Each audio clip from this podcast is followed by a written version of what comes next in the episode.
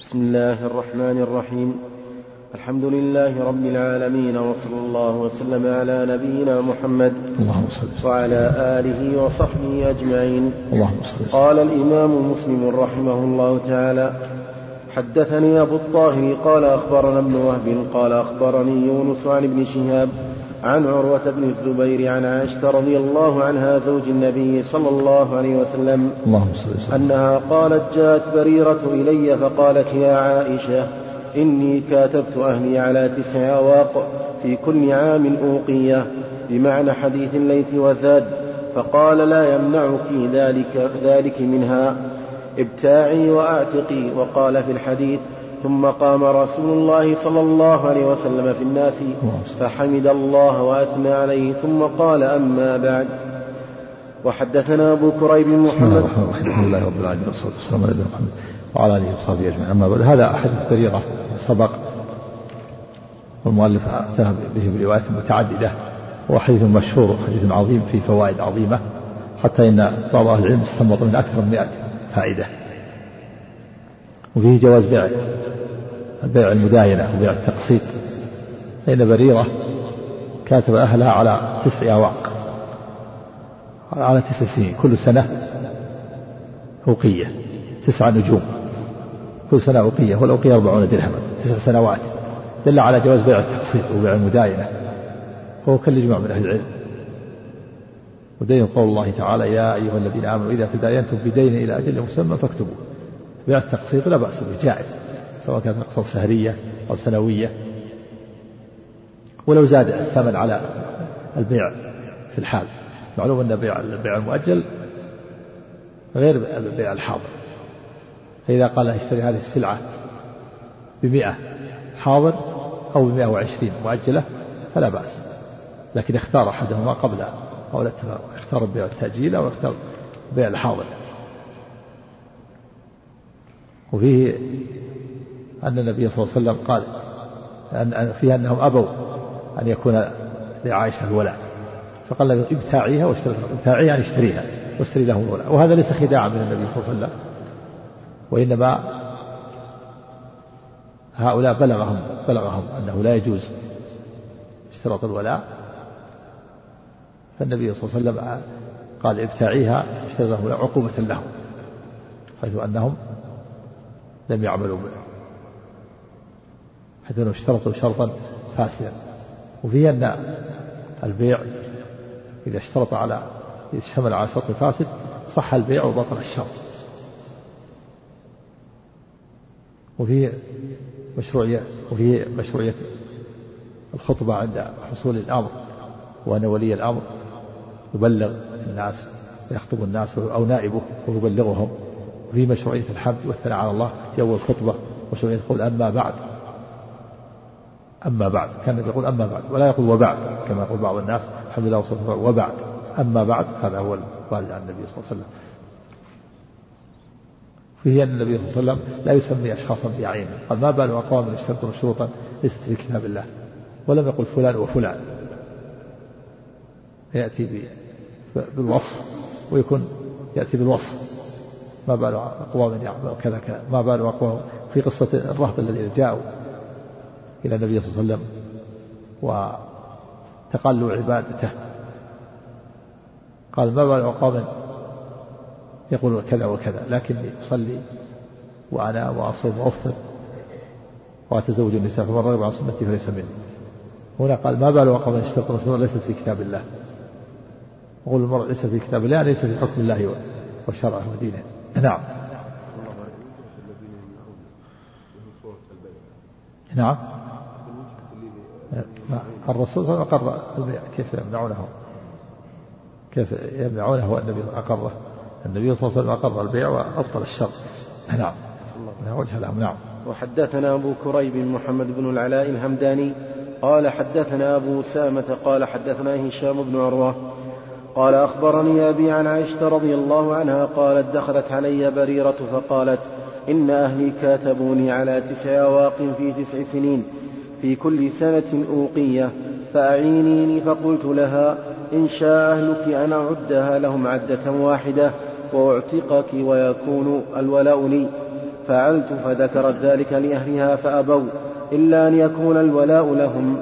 فأتتني فذكرت ذلك قالت فانتهرتها فقالت لا هاء الله إذا قالت فسمع رسول الله صلى الله عليه وسلم.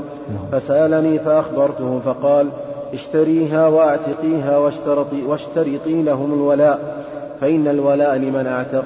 نعم وفيه دليل على مشروعية المكاتبة وأنه يشرع للعبد أن يكاتب سيده إذا كان عنده قدرة على العمل. وأنه أيضا يجوز للأنثى أيضا أن تكاتب ولو كانت أنثى الأمة لها أن تكاتب أهلها تشتري نفسها حتى تتحرر.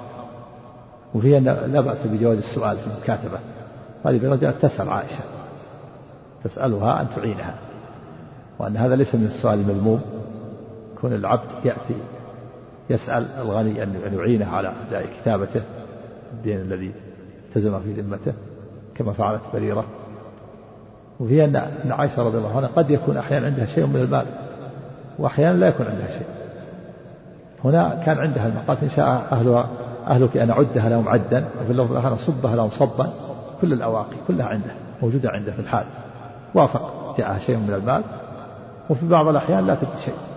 حتى إن في بعض الأحيان جاءتها سائلة ومعها ابنتها تسأل ولم تجد إلا تمرة واحدة. تمرة واحدة شقتها أعطتها بين بين ابنتيها وفي في الرواية الأخرى وفي القصة الأخرى ثلاث تمرات وفي هذه المرة صار عندها تسع أواق حتى إن شاء الله أن أعدها لهم أو أصبها صبا فأبوا امتنعوا فقال في اشتري واشترط لهم وفي دليل على أن الولاء لا يكون إلا لمن أعتق ولا يمكن أن يكون لغير المعتق وأن من اشترط وأن من باع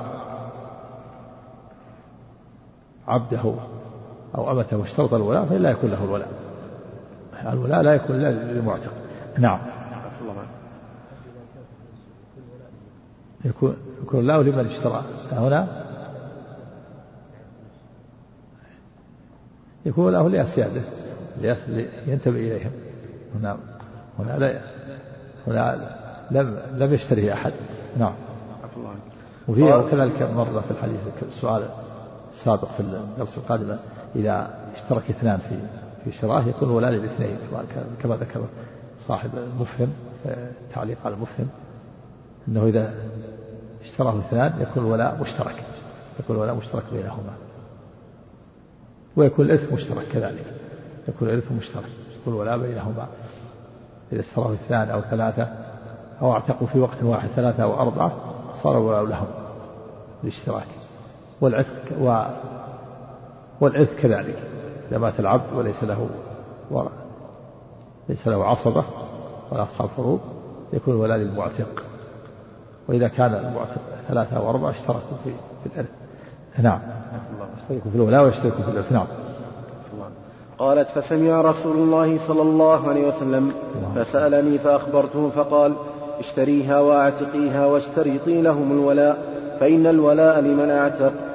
ففعلت قالت ثم خطب رسول الله صلى الله عليه وسلم عشية فحمد الله وأثنى عليه بما هو أهله ثم قال أما بعد فما بال أقوام يشترطون شروطا ليست في كتاب الله؟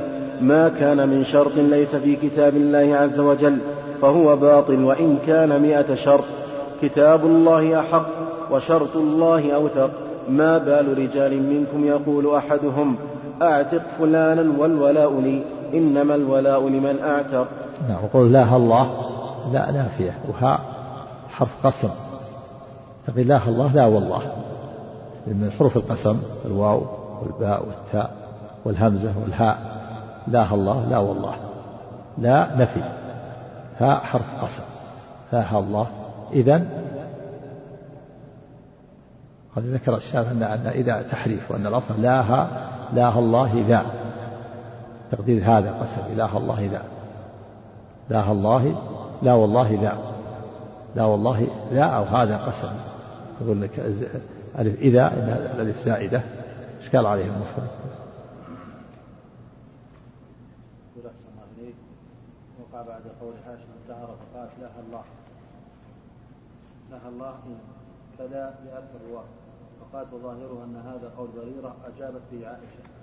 لما انتهرتها مستلطفة لها ومسكتة. فكأنها قالت فإذا كان ذلك يعني موجدة عائشة فلا ها؟ كأنها قالت؟ فكأنها قالت. كأنها قالت. فإذا كان ذلك يعني موجدة عائشة. موجدة. موجدة. إيه، غضب. موجدة عائشة فلا استعينك على شيء. ويحتمل يكون الراوي أخبر به عن عائشة.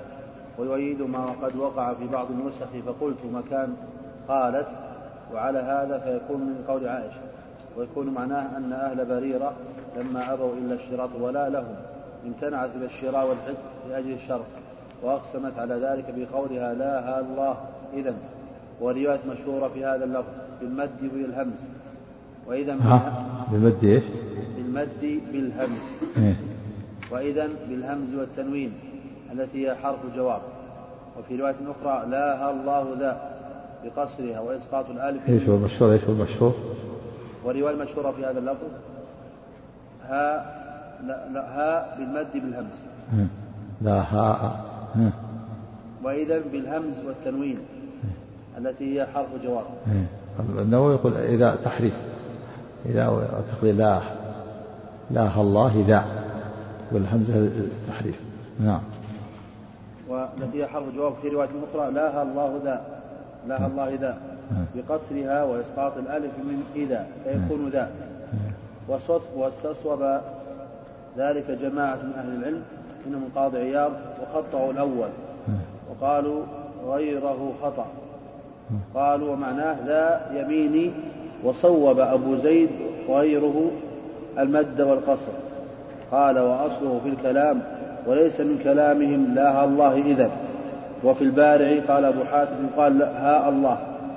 جاء في القسم والعرب تقوله بالهمز والقياس تركه والمعنى لا والله ذا ما أقسم به وأدخل اسم الله بين ها وذا انتهى كلامه. قلت ويظهر لي أن الرواية المشهورة صواب وليست في خطأ. صواب لا ها لا الله إذا نعم. ووجه ذلك أن هذا الكلام قسم على جواب إحداهما الأخرى على ما قررناه آنفا. والهاء هنا هي التي يعوض بها عن عن باء القسم. فإن العرب تقول آه الله لا أفعلن ممدودة الهمزة ومقصورها ثم إنهم عوضوا من الهمزة هاء فقالوا هالله لتقارب مخرجيهما كما قد أبدلوها منها في قولهم. ألا يا سنا برق على قلل الحمى لهنك من برق علي كريم. وقوله هياك والأمر الذي الذي إن توسعت موارده ضاقت عليك مصادره. ولما كانت لها بدلا من الهمزة وفيها المد والقصر فالهاء تمد وتقصر كما قد حكاها أبو زيد. وتحقيقه أن الذي مد مع الهاء كأنه نطق بهمزتين. أبدل من إحداهما ألفا استثقالا لاجتماعهما كما تقول آه الله.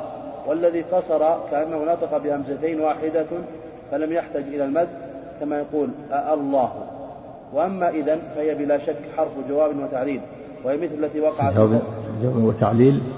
جواب وتعليل. تعليل. نعم. نعم. وهي مثل الذي التي وقعت في قوله صلى الله عليه وسلم وقد سئل عن بيع الرطب فقال أينقص الرطب إذا يبس؟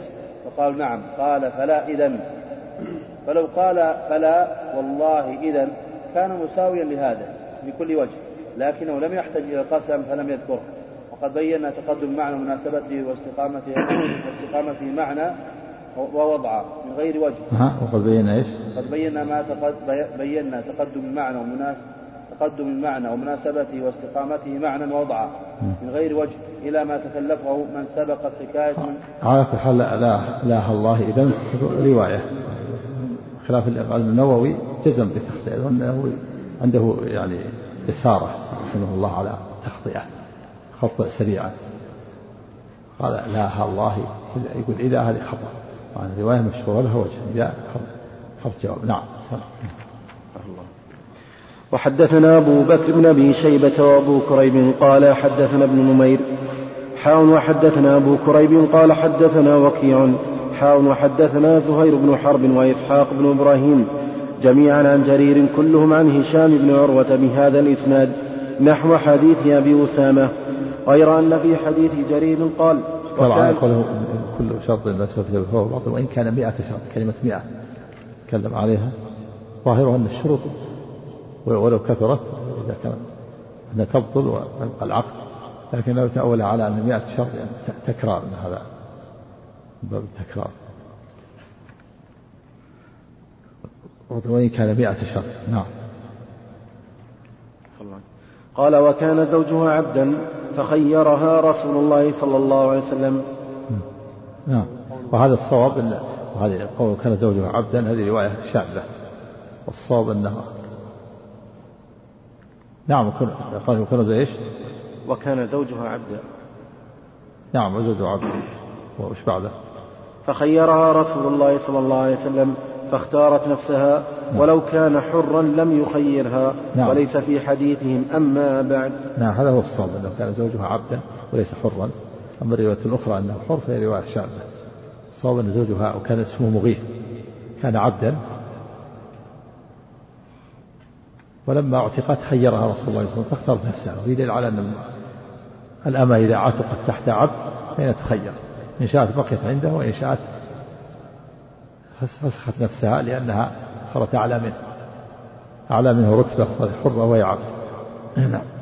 أما إذا كان زوجها حرا ثم اعتقت فليس لها الخيار. نعم.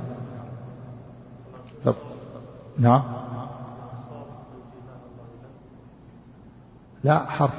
لا لا لا حرف نفي. وها حرف قسم. لا لا والله. لا والله. وإذا جواب حرف جواب. لكن النووي يقول إذا يقول تحريف الأصل لا هذا لا الله ذا لا قسمي هنا لها توجيه. مثل فلا إذا ينقص الرطب وإذا يسقى الماء قال فلا إذا حرف جواب. لا والله لا الله إذا إذا نعم. قوله ولو كان أحسن يقول ولو قوله ولو كان 100 شرط خرج مخرج التكفير يعني أن الشروط غير المشروعة باطلة ولو كثر. يفيد دليل خطابه أن الشروط خرج مخرج إيش؟ التكفير التكفير نعم. يعني أن الشروط غير المشروعة باطلة ولو كثرت. يفيد دليل خطابه أن الشروط المشروعة صحيحة. يفيد. يفيد دليل خطابه نعم. أن الشروط المشروعة صحيحة. كما قد نص النبي صلى الله عليه وسلم بقول المؤمن على شروطهم إلا شرط حل حراما أو حرم حلالا. شو كلام النووي عليه 100 شرط. شو ذلك؟ كلام النووي عندك يقول وإن كان مئة شرط إشكال عليه. كان النووي يرى أنه يقول تكرار هو شرط واحد هذا من باب التأكيد أو كذا. نعم.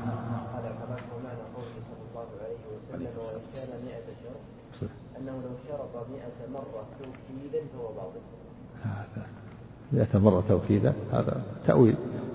إن كان وهذا خرج مخرج تكثير الشرعي ولو كان الشروط كثيرة نعم.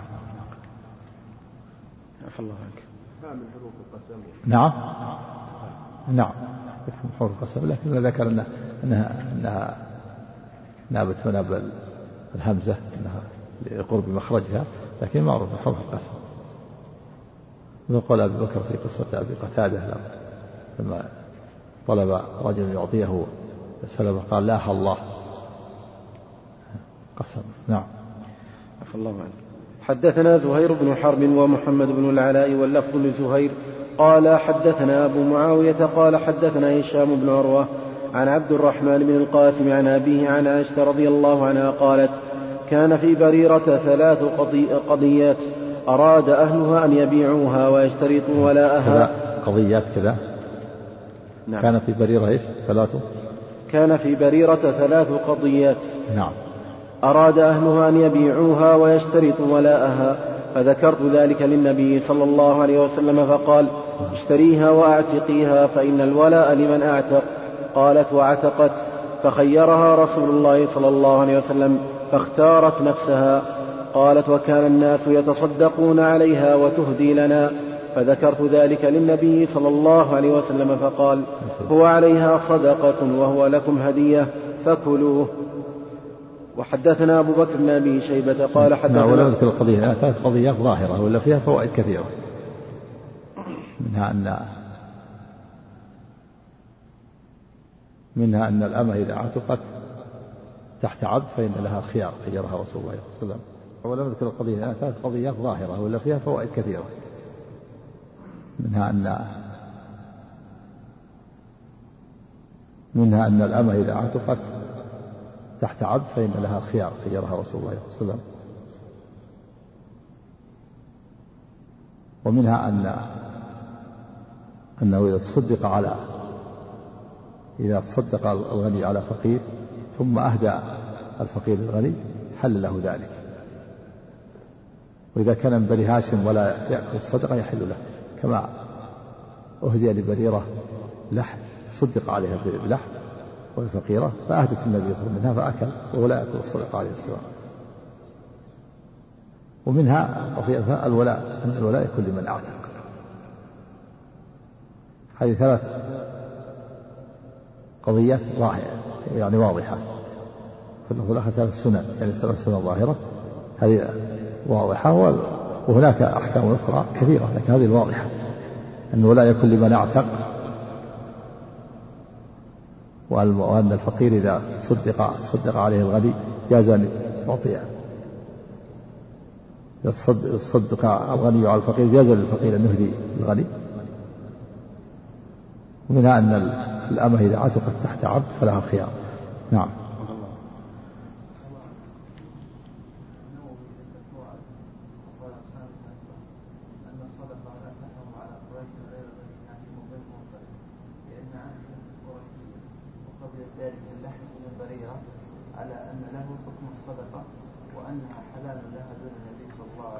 ومعروف الزكاة لا تحرم من بني هاشم بن المطلب. بن هاشم وبن المطلب لأن بن المطلب لم يفارقوا بني هاشم لا في جاهلية ولا في الإسلام. نعم. لكن عائشة تبع النبي صلى الله عليه وسلم هنا. نعم.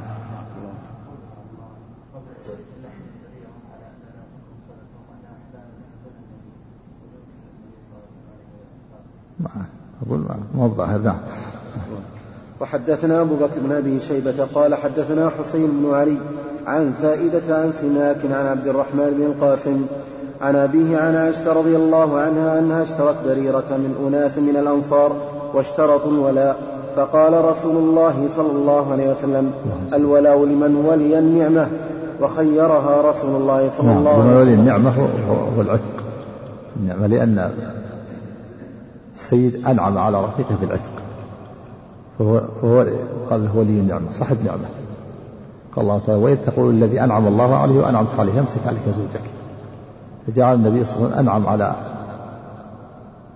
زيد زيد حيث اعتقه وإذ تقول الذي أنعم الله عليه وأنعمت عليه. أنعم الله عليه بالإسلام والإيجاد وأنعمت عليه. يا محمد بالعتق. عليه الصلاة والسلام. هنا ولي النعمة. يكون الولاء لمن ولي النعمة وهو السيد المعتق. نعم.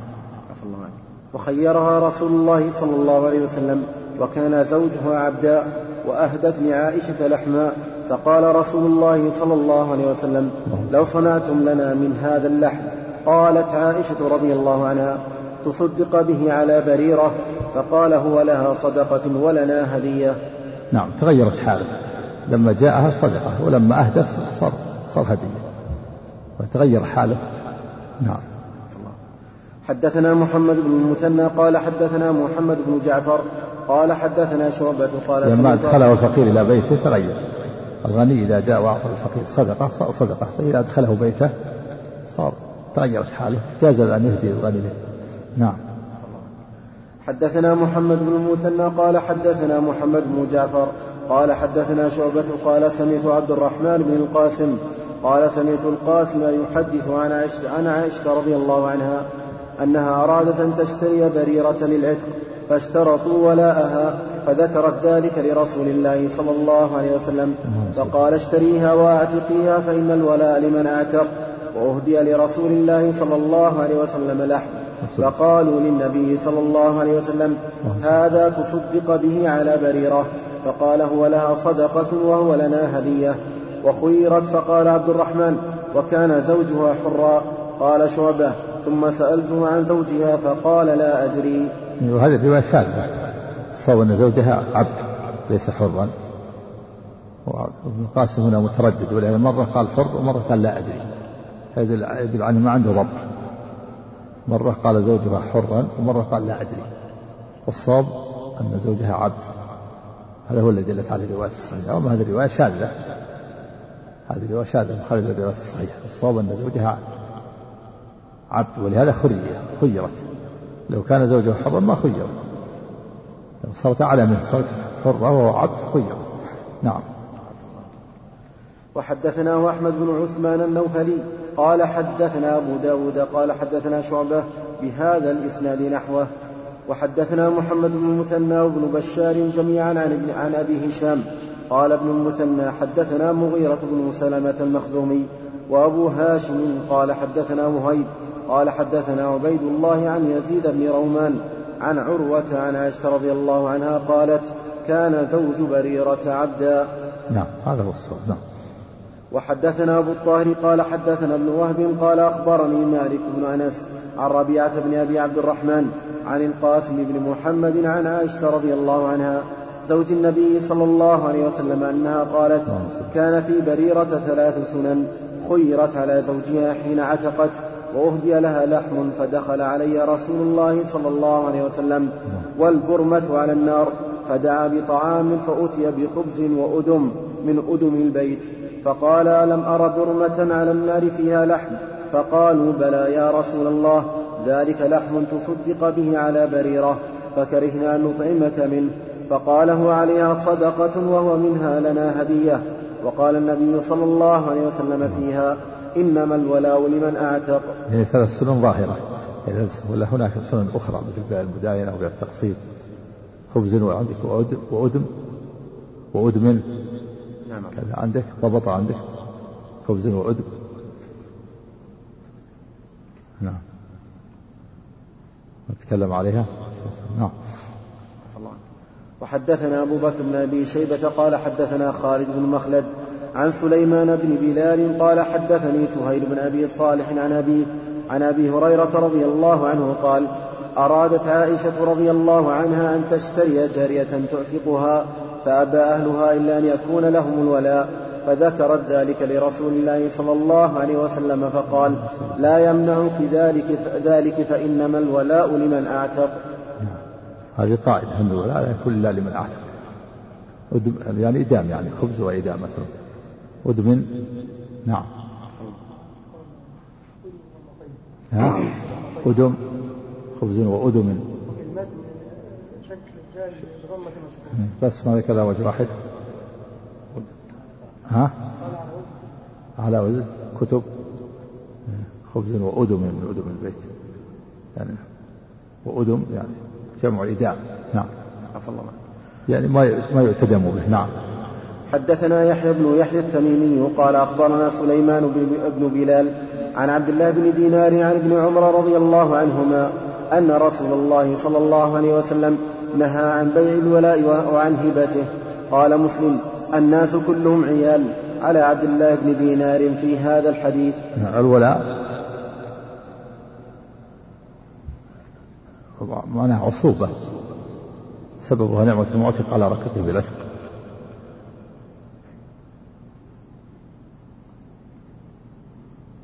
عصوبة.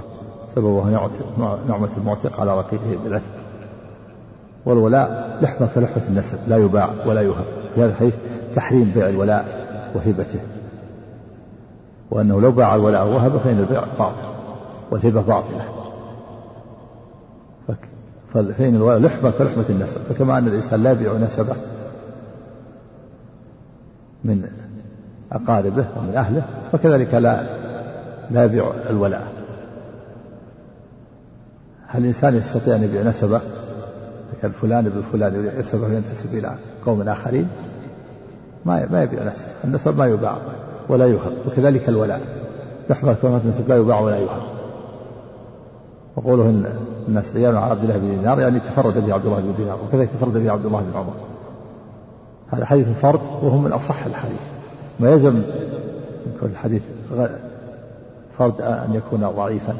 ومن أصح الحديث قال الناس كلهم عيال على عبد الله بن دينار يعني أنه من أفراده.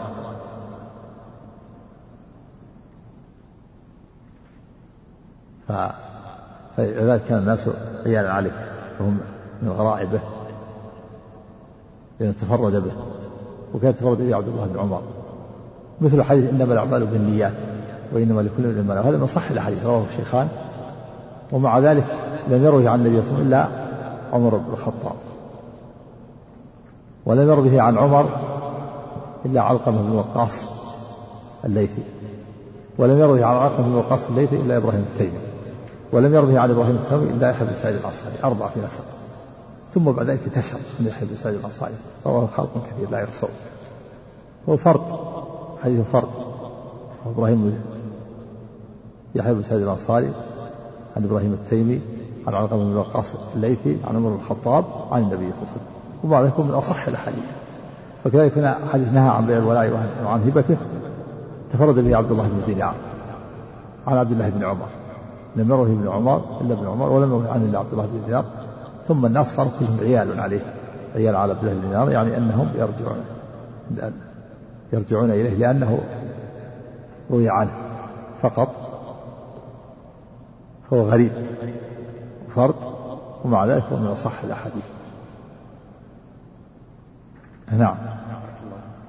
وحدثنا أبو بكر بن أبي شيبة وزهير بن حرب قال حدثنا ابن عيينة حاول وحدثنا يحيى بن أيوب وقتيبة وابن حجر قالوا حدثنا إسماعيل بن جعفر حاول وحدثنا ابن نمير قال حدثنا أبي قال حدثنا سفيان بن سعيد حاول وحدثنا ابن المثنى قال حدثنا محمد بن جعفر قال حدثنا شعبة حاول وحدثنا ابن المثنى قال حدثنا عبد الوهاب قال حدثنا عبيد الله حاول وحدثنا ابن رافع قال حدثنا ابن أبي فديك قال أخبرنا الضحاك يعني ابن عثمان كل هؤلاء عن عبد الله بن دينار عن ابن عمر رضي الله عنهما عن النبي صلى الله عليه وسلم بمثله غير أن الثقافي ليس في حديثه عن عبيد الله إلا البيع ولم يذكر الهبة. يعني عبد الوهاب الثقفي نعم. وحدثني محمد بن رافع قال حدثنا عبد الرزاق قال أخبرنا ابن جريج قال أخبرني أبو الزبير أنه سمع جابر بن عبد الله رضي الله عنهما يقول كتب النبي صلى الله عليه وسلم على كل بطن عقوله ثم كتب أنه لا يحل لمسلم أنه لا يحل لمسلم أن يتوالى مولى أن يتوالى مولى رجل مسلم بغير إذنه. كتب على كل بطن؟ كتب النبي صلى الله عليه وسلم على كل بطن عقوله ثم كتب أنه لا يحل لمسلم يعني عقوله جمع عقل. كفلوس جمع فلس وهي الديات يعني الدية هي الخطأ. وعمد الخطأ تكون على على العصبات. الآباء والأبناء. على كل بطن عقوله كل بطن يعقل. معناه يتحمل. تقسم دية الخطأ دية عمد الخطأ على على العصبات. على كل بطن عقوله يعني الدية التي تتحمله تكون على الآباء والأبناء تقسم وإذا لم يكون على, على الإخوة عصبات نعم كلهم عيال عبد الله ذكرت صلى موضع ثم ذكر الحافظ أن ابا عوانه اخرج الحديث عن نافع مقرورا مقرونا مع عبد الله بن دينار. ها؟ إيش ذكر؟ ذكرت من قبل ذلك. إيه إيه فذكر الحافظ فتح إيه. أن ابا عوانه أخرج هذا الحديث عن نافع مقرونا مع عبد الله بن دينار.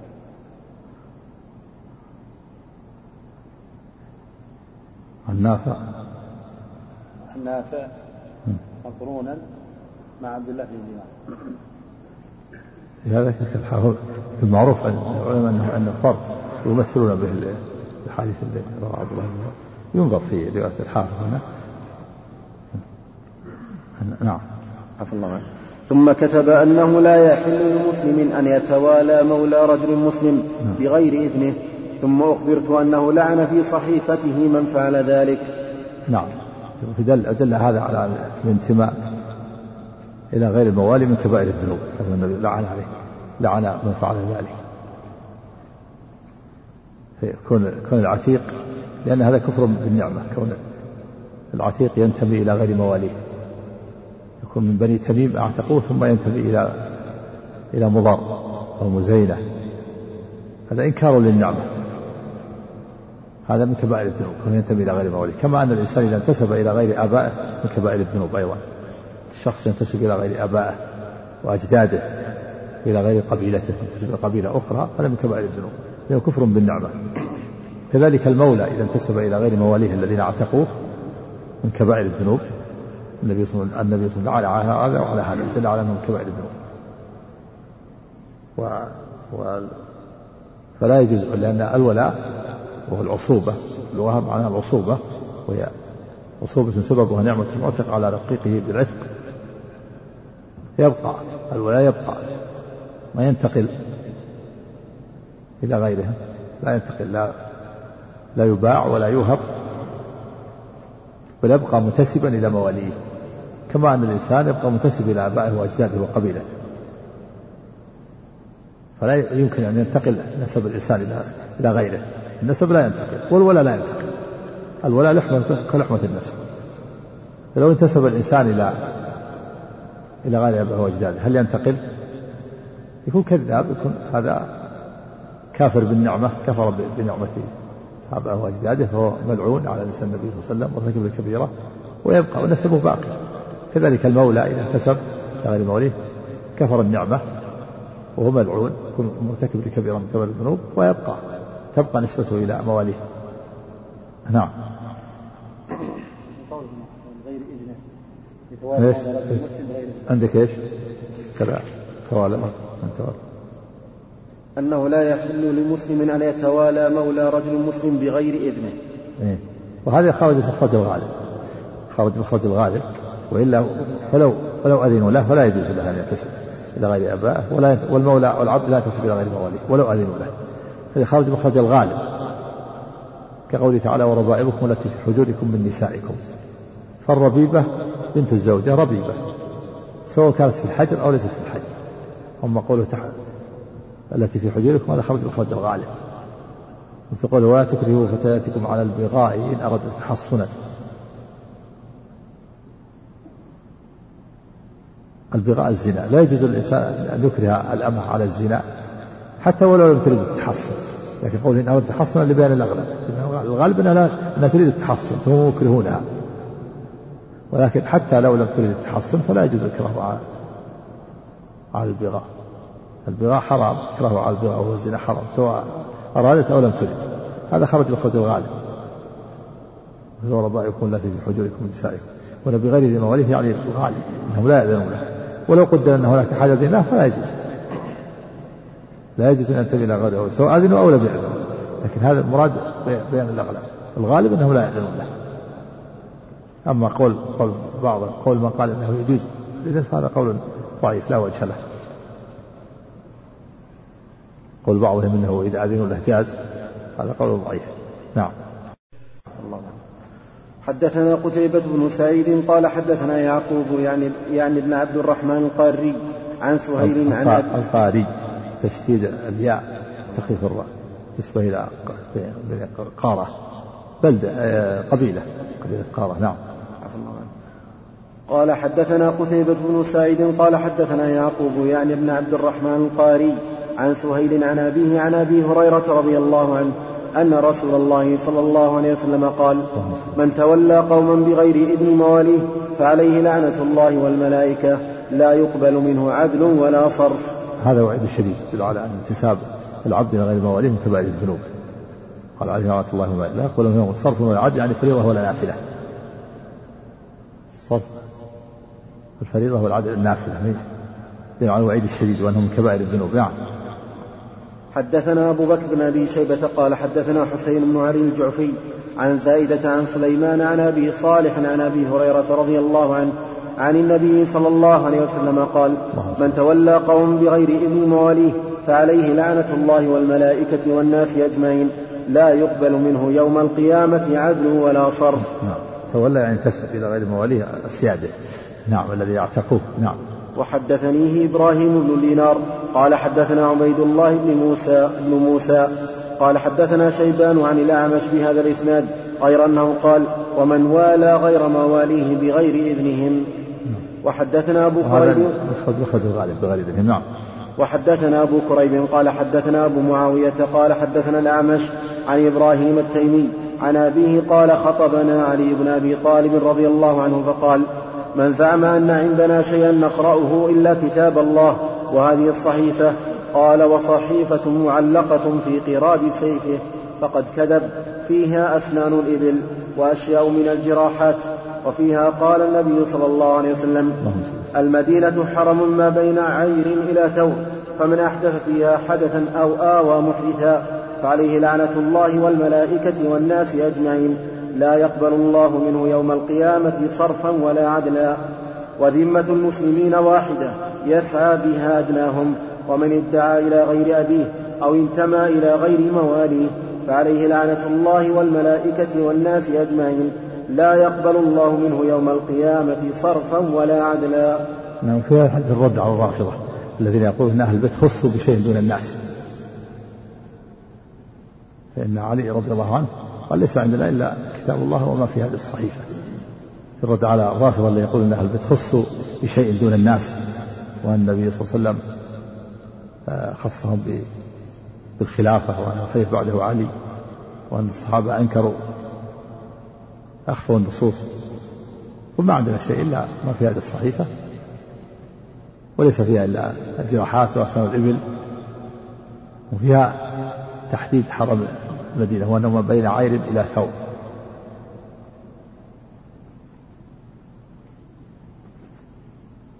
وثور جبل صغير مدور خلف أحد جهة الشمال والجنوب. وأما من جهة الشرق والغرب فما بين اللابتين ما بين اللابتيها وفيه تحريم الانتساب إلى غير الآباء والأجداد والقبيلة وأن وأن الانتساب من الكبائر لأن النبي لعن من فعل ذلك وفيه تحريم الانتماء انتماء العبد غير مواليه وأنه من الكبائر لأن النبي صلى الله عليه وسلم لعن من فعل ذلك.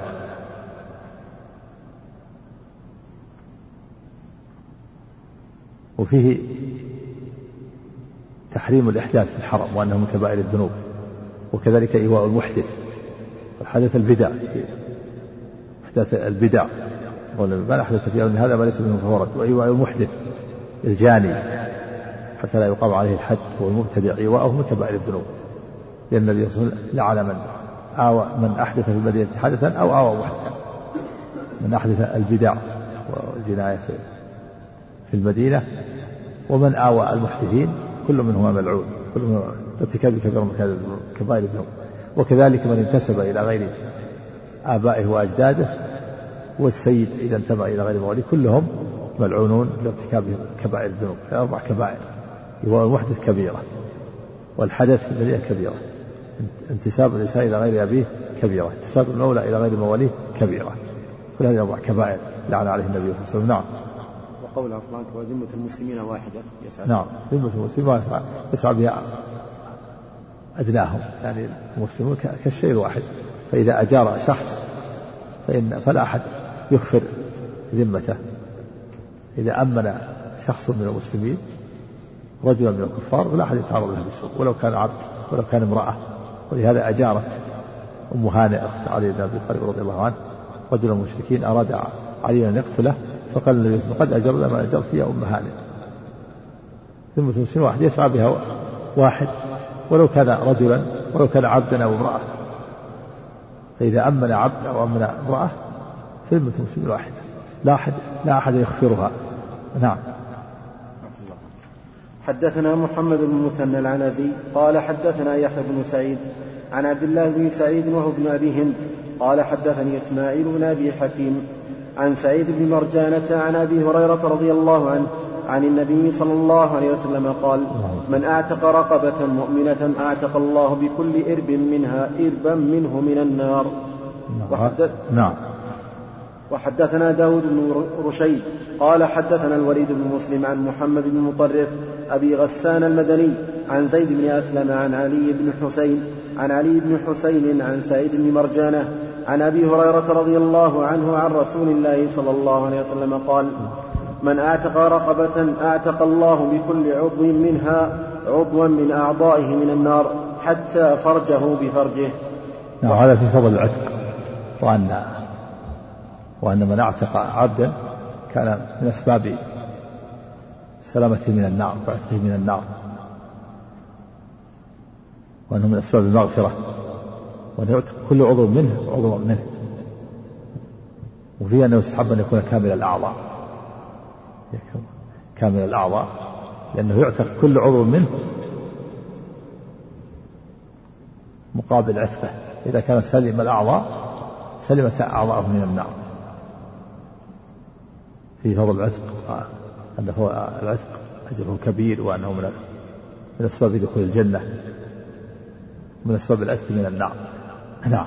وأن أعضاءه أعضاء المعتق تعتق من النار. كل عضو مقابل العضو الذي أعتقه من العبد نعم. وحدثنا قتيبة بن سعيد قال حدثنا ليث عن ابن الهاد عن عمر بن علي بن حسين عن سعيد بن يرجانة عن أبي هريرة رضي الله عنه قال سمعت رسول الله صلى الله عليه وسلم يقول من أعتق رقبة مؤمنة أعتق الله بكل عضو منه عضوا من النار حتى يعتق فرجه بفرجه. نعم وفيه التغيير بالرقبه مؤمنة. وحتى الرقبة غير مؤمنة فيها أجر. المؤمنة أفضل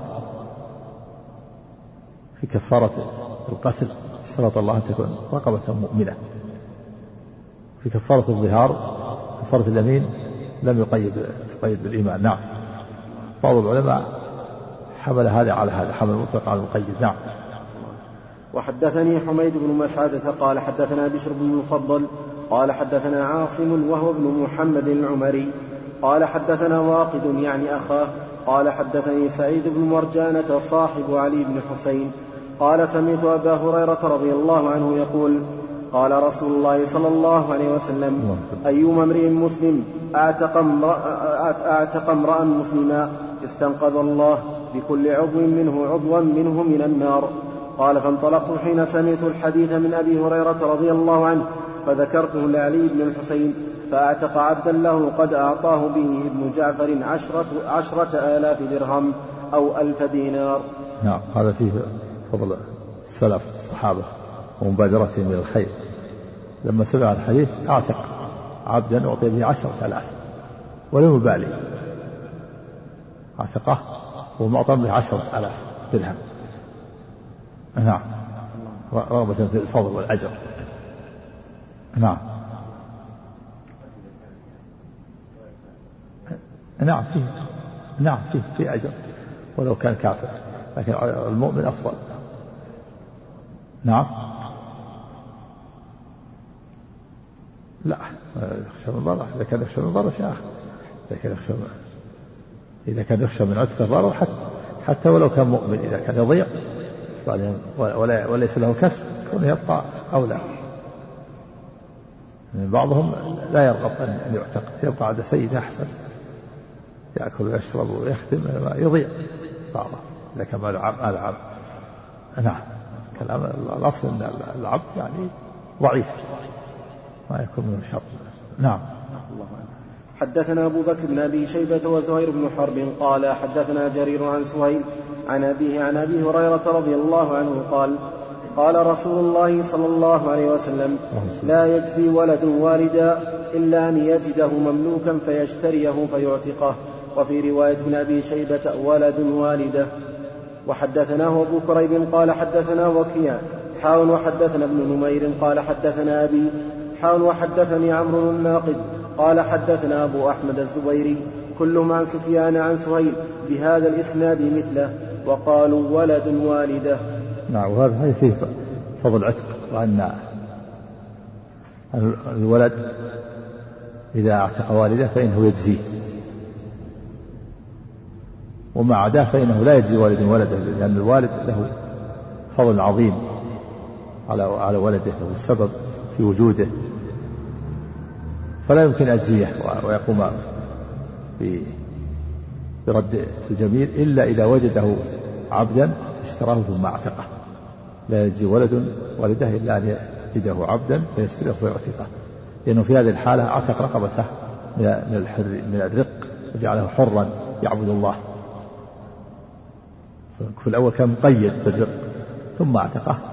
فإذا وجده واعتقه في هذه الحالة جازاه. احتج به الظاهرية على أنه لا يعتق عليه إلا إذا اعتقه. لا بد أن ينشأ العتق فلو اشترى أباه أو اشترى ابنه فلا يعتق. ذهب الجمهور إلى أنه يعتق عليه بدون اختياره. إذا إذا كان من من الأصول أو من الفروع. فإذا إذا كان وجد أباه أو أمه أو جده أو جدته هذه الأصول أو ابنه أو بنته أو أبنائهم فإنه يعتق عليه بمجرد الشراء.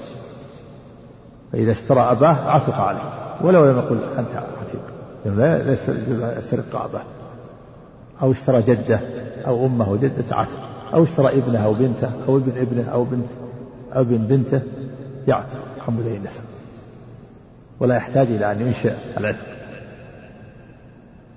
هذا ذهب إلى هذا إلى أنه إذا اشترى أحد عمودي النسب عتق مجرد الشراء.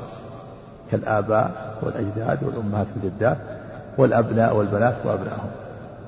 أما إذا اشترى أخاه أو ابن أخيه أو عمه أو ابن أخيه فلا يعتق إلا بالعتق هذا الذي ذهب إلى الجمهور. والظاهرية قالوا لا يعتق مطلقا حتى ولو كان أباه إلا إذا اعتقه وأخذوا بظاهر الحديث لا يجزي ولد والده إلا أن يجده إلا أن يشتريه فيعتقه. فيعتقه دل على أنه لابد من إنشاء العتق وأنه لا يعتق عليه. هكذا أخذ الظاهري لكن قول الجمهور هو المعتمد أنه يعتق عليه بمجرد الشراء إذا كان من أصوله أو فروعه. نعم. نعم. إيه ولا فضل ما في شك. ها؟ لهذا فضل عظيم له فضل. نعم. كتاب البيوع. بارك الله نعم. يجب يعتق عليه بدون اختيار على الصحيح. إذا اشترى عتق حتى ولو ولو لم يعتق. يعتق بمجرد الشراء. نعم.